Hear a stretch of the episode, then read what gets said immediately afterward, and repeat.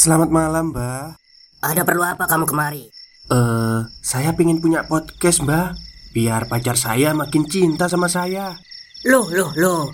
Mau bikin podcast kok tanya dukun? Sekarang kamu download aplikasi Anchor.fm. Di situ kamu bisa buat podcast gratis dan podcast kamu bisa didistribusikan ke platform mana pun. Dan di aplikasi atau website Anchor.fm juga terdapat fitur-fitur yang memudahkan kamu untuk membuat podcast. Oh, gitu ya, Mbak. Kalau gitu, saya boleh minta password wifi-nya, Mbak. Buat apa? Buat download Anchor.fm, Mbak.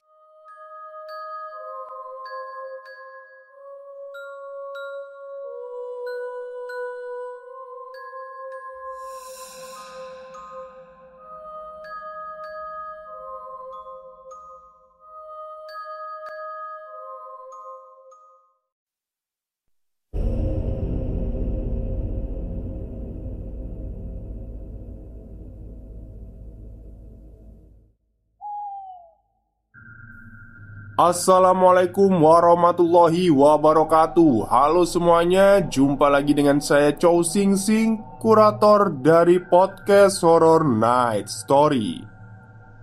Halo apa kabar semuanya, semoga kalian semua sehat-sehat ya. Seperti biasanya pada siang hari ini saya kembali Dan akan menghadirkan sebuah kisah mistis untuk kalian semua Kisah mistis kali ini saya datangkan dari tweet twitternya Mas Bri Story Yang menceritakan sebuah profesi Yang ternyata ada kisah mistis di dalamnya. Seperti apa kisahnya? Mari kita simak. Perias pengantin. Satu profesi yang cukup banyak orang kenal Profesi yang mungkin sudah ada sejak ratusan tahun lalu. Profesi yang banyak digeluti oleh kaum wanita.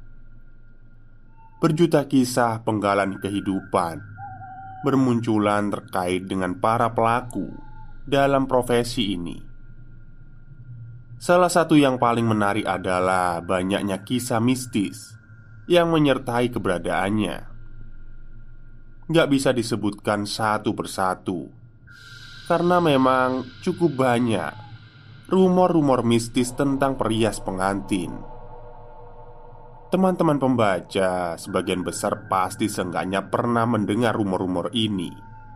Contohnya Kebanyakan Perias pengantin wajahnya jutek Atau malah seram ada pula perias yang seharusnya membakar kemenyan terlebih dahulu di dalam kamar riasnya Dan yang lain sebagainya.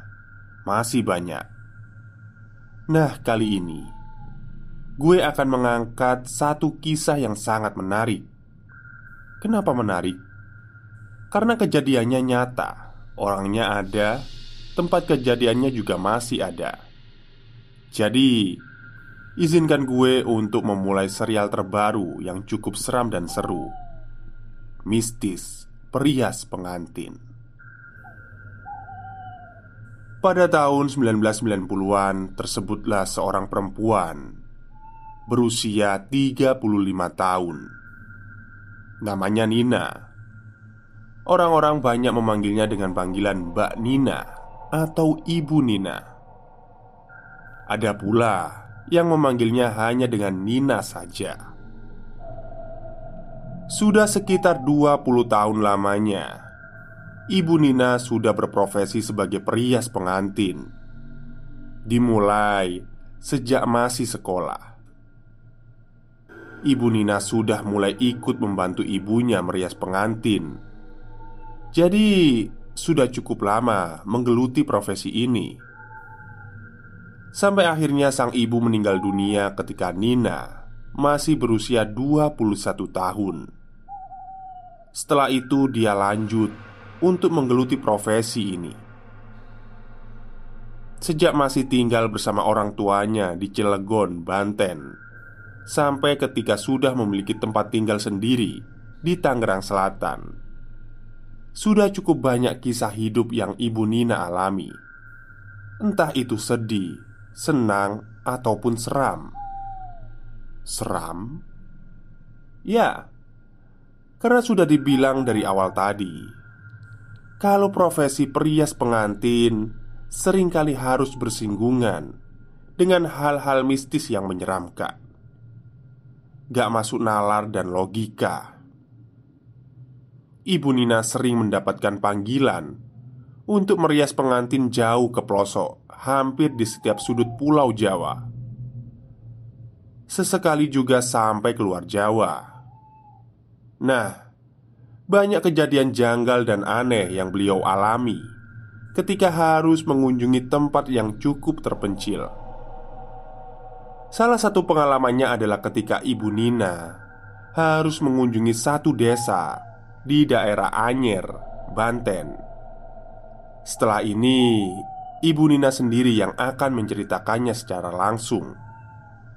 Simak di sini di Bri Story. Kali ini aku harus berangkat ke Anyer sendirian karena Mira asistenku yang biasa mendampingi sedang ada urusan mendadak Jadinya nggak bisa ikut kali ini Aku tipe orang yang sangat tepat waktu Gak ada kamus terlambat dalam hidupku. Lebih baik aku yang menunggu daripada orang lain harus menunggu.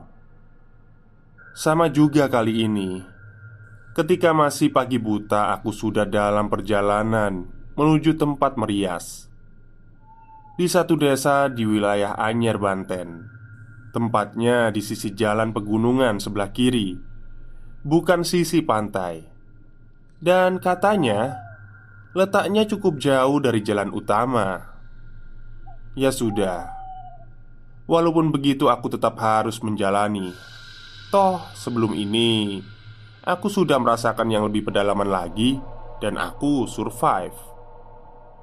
Targetku Aku harus sampai di rumah tempat acara sebelum jam 5 subuh Dengan tujuan sebelum akad nikah semuanya sudah siap Gak ada yang terlambat Dan sukses Sepertinya aku datang tepat waktu Jam 5 kurang 15 Aku sudah sampai di rumah mempelai wanita Waktu itu aku menggunakan jasa ojek motor untuk membawaku ke tempat acara.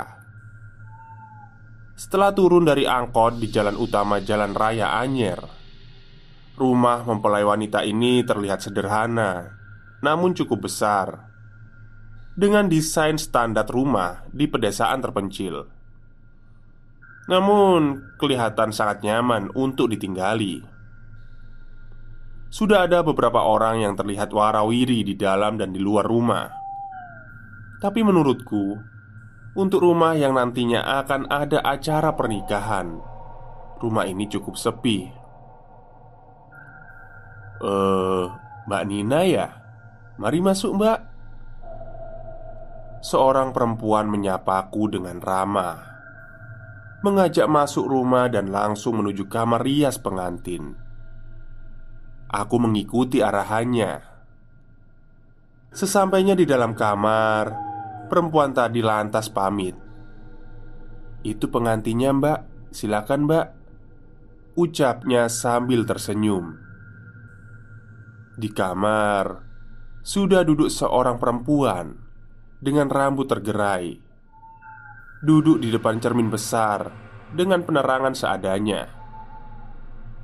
Saya langsung mulai aja ya Neng Tanyaku kemudian. Iya mbak Jawab mempelai ini pendek. Kemudian aku langsung mempersiapkan peralatan lalu singkat cerita. Aku sudah mulai proses perias. Neng capek ya? Wajahnya kok pucat banget? Aku bilang seperti itu. Karena memang benar Wajah pengantin ini pucat.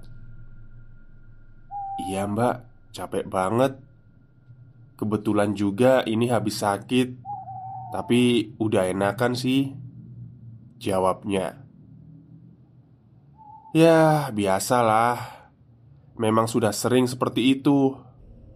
Kedua mempelai akan sedikit stres Ketika makin mendekati hari H pernikahan Sama juga dengan mempelai yang ini Makanya aku maklum dan mengerti kalau mempelai perempuan ini kelihatan lelah dan pucat. Aku jadi harus make up ekstra lebih untuk menutupi kepucatannya itu. Ada yang aneh, dan aku baru menyadarinya belakangan. Sejak aku masuk ke kamar rias ini, gak ada satupun orang lain yang kelihatan masuk. Sama sekali gak ada, dan Aku sama sekali nggak mendengar ada orang di luar kamar. Hening dan sepi. Seperti nggak ada orang sama sekali. Tapi ya sudahlah. Aku memilih untuk mengabaikan Lalu fokus merias. Takut terlambat Karena jam 9 acara sudah dimulai Akad dan dilanjutkan dengan resepsi. Nah, udah selesai. Cantik banget sekarang. Terima kasih mbak. Iya aku cantik sekarang. Hehehe. Mempelai ini tersenyum senang. Gak bisa dipungkiri kalau aku gak puas Dengan hasil kerjaku kali ini. Wajah mempelai masih terlihat agak pucat Tapi setelah selesai Tiba-tiba aku mendengar ada kehidupan di luar tiba-tiba ramai. Syukurlah, akhirnya kejanggalan tadi nggak beralasan. Ayo Neng, dimulai sekarang. Seorang perempuan masuk ke dalam kamar Lalu mengajak mempelai perempuan untuk keluar Emang udah mau dimulai ya bu? Tanyaku Ya aneh aja sih. Kan seharusnya akad mulai pukul 9 ini kan masih pagi. Pikirku begitu. Udah mau mulai mbak. Kan sudah jam 9 Jawab perempuan itu. Jam 9? Serius? Aku sedikit tidak percaya. Karena waktu aku merias tadi kurang dari dua jam Harusnya ini masih jam 7 Aku penasaran dan memastikan jam tanganku sendiri. Ternyata benar, ini sudah jam 9 Aneh. Ya sudahlah. Seperti biasa aku menunggu di dalam kamar yang sudah disediakan buatku ketika acara sedang berlangsung. Oh ya, ada kebiasaan yang selalu aku jalani kalau sedang merias seperti ini. Yang pertama, Sebisa mungkin aku nggak menunjukkan diriku di depan para tamu undangan Ketika acara sedang berlangsung.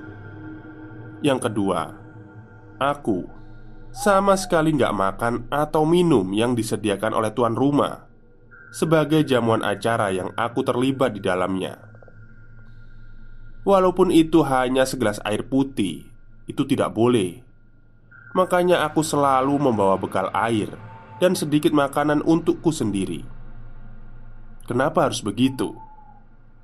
Sampai sekarang pun aku nggak tahu alasannya Karena dulu Sejak aku masih ikut membantu ibuku untuk merias Beliau selalu mewanti-wanti Untuk tidak melakukan hal itu Beliau hanya bilang Kalau dilanggar Nanti ada sesuatu yang buruk akan terjadi Hanya itu yang dia bilang Ya, aku ikuti saja, dan sampai sekarang aku terus melakukan kebiasaan itu.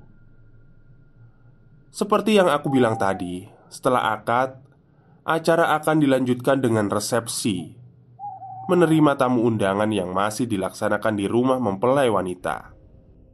Nah, rencananya setelah selesai bertugas merias untuk akad, sehabis duhur aku akan untuk pergi meninggalkan lokasi menuju Cilegon untuk mengunjungi salah satu kerabat di kota Cilegon. Karena pengantin akan berganti pakaian dan dirias lagi setelah maghrib. Jadi aku usahakan akan kembali lagi ke lokasi sebelum waktu maghrib tiba.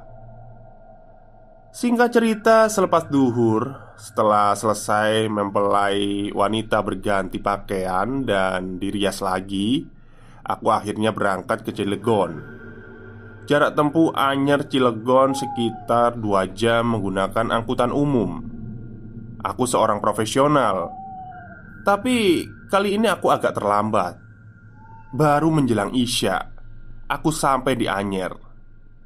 Tapi belum sampai di lokasi pernikahan. Masih di jalan utama Jalan Raya Anyer. Karena merasa sudah terlambat, jadi aku menyewa angkot supaya lebih cepat lagi. Sedikit panik dan khawatir.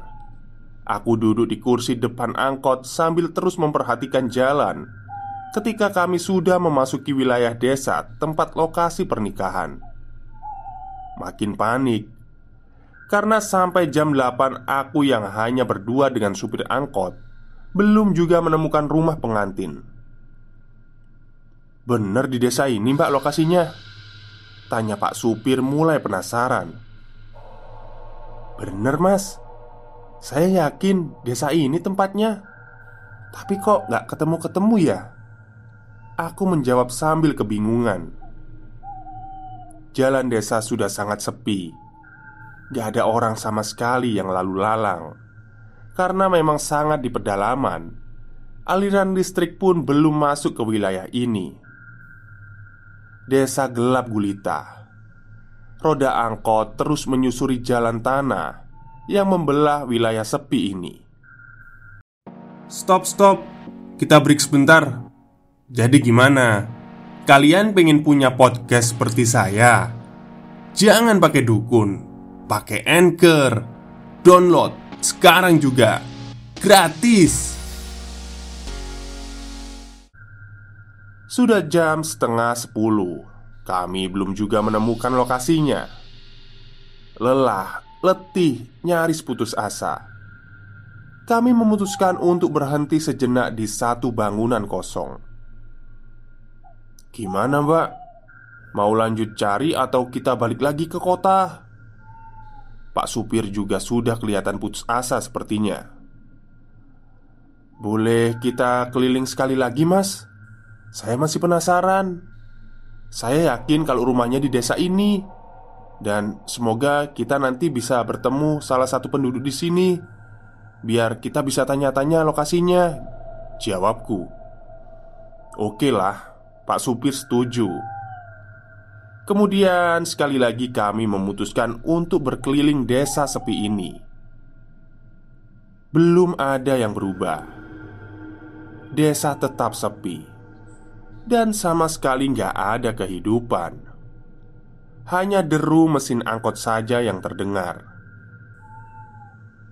Udara dingin mulai turun dari pegunungan yang ada di dekat desa. Makin malam makin dingin rasanya Angkot berjalan pelan Lagi-lagi terus menyusuri jalan tanah kering Yang sepertinya sudah lama tak terguyur hujan Menjelang jam 11 malam Akhirnya aku putus asa dan menyerah Ya sudah pak, kita kembali aja ke kota Sepertinya memang gak ketemu juga Ucapku Pak supir mengiyakan. Dia lalu memutar arah mobil dan menuju jalan keluar desa. Tapi gak berapa lama kemudian, kami melihat ada beberapa orang yang sedang berjalan kaki. Tentu saja aku senang melihat mereka. Kami jadi bisa menanyakan letak lokasi pernikahan. Pak, pak, maaf mau tanya Rumah Pak Tohir yang sedang ada acara pernikahan itu di mana ya Pak? Tanyaku ketika kami sudah dekat dengan orang-orang itu Rumah Pak Tohir Yang ada pernikahan tapi nggak jadi itu ya mbak? Itu mbak. Setelah belokan di depan Rumahnya nggak jauh dari situ Di sebelah kiri. Kata dari salah satu mereka. Ah, lega rasanya. Akhirnya kami bisa menemukan lokasi. Tapi sebentar Kenapa orang itu bilang ada pernikahan tapi nggak jadi? Aneh sekali Kemudian kami mengikuti arahan petunjuk dari mereka Dan benar kami akhirnya menemukan rumah itu Padahal kita dari tadi sudah lewati lokasi ini ya mbak Tapi kenapa rumah ini nggak kelihatan? Baru sekarang kelihatan Tanya pak sopir Aku pun berpikiran sama. Kenapa dari tadi kami nggak melihat ada rumah ini? Aneh dan benar, aku masih sangat hafal. Memang ini rumahnya. Karena baru tadi pagi aku datang untuk merias di sini. Tapi ada yang janggal kali ini. Memang benar rumah ini terlihat ada banyak orang Banyak orang datang yang sepertinya merupakan para tamu Lalu apa yang janggal? Ketika kami turun dari angkot dan masuk ke halaman Aku melihat Kalau di rumah ini Sama sekali nggak terlihat sedang ada acara pernikahan Karena sebagian besar tamunya mengenakan pakaian gelap Layaknya orang yang sedang melayat atau ada acara berkabung, bukan datang ke acara pernikahan. Ada apa sebenarnya? Bu, maaf, keluarga pengantinnya ke mana ya? Aku bertanya ke salah satu perempuan yang aku temui di teras. Itu dia menunjuk ke salah satu perempuan yang lainnya yang sedang terseduh menangis. Kemudian aku menghampiri perempuan itu yang ternyata aku mengenalinya. Dia adalah perempuan yang mengantarku masuk ke kamar pengantin tadi pagi. Mbak Nina ya, kok baru datang? Maaf ya, kami lupa memberitahu kalau acara pernikahannya batal, nggak jadi. Ucap ibu itu sambil menahan tangis. Batal kenapa, Bu? Bukannya tadi acaranya sudah dimulai? Saya kan yang merias Dari tadi pagi sampai siang Jawabku penasaran Hah? Gak ada pernikahan mbak Rati Mempelai perempuan meninggal Karena sakit mendadak Jam satu tengah malam kemarin mempelai wanita sudah meninggal malam sebelum ini. Lalu, siapa yang aku rias di rumah ini tadi pagi? Hai, balik lagi ke gue, Bri. Itulah sepenggal cerita kejadian seram yang Ibu Nina alami ketika sedang merias pengantin.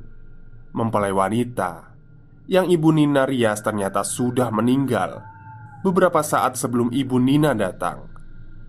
Itu baru satu dari banyak cerita pengalaman yang beliau alami. Penggalan cerita-cerita lainnya akan gue ceritakan nanti. Tentunya akan lebih seru dan seram. Tunggu ya. Sekian untuk malam ini. Sampai jumpa minggu depan. Tetap jaga kesehatan hati, perasaan diri sendiri, dan orang lain, supaya bisa terus merinding bareng. Salam, Pri. Baik, itulah akhir dari cerita tweet twitternya Mas Pri ya tentang perias pengantin.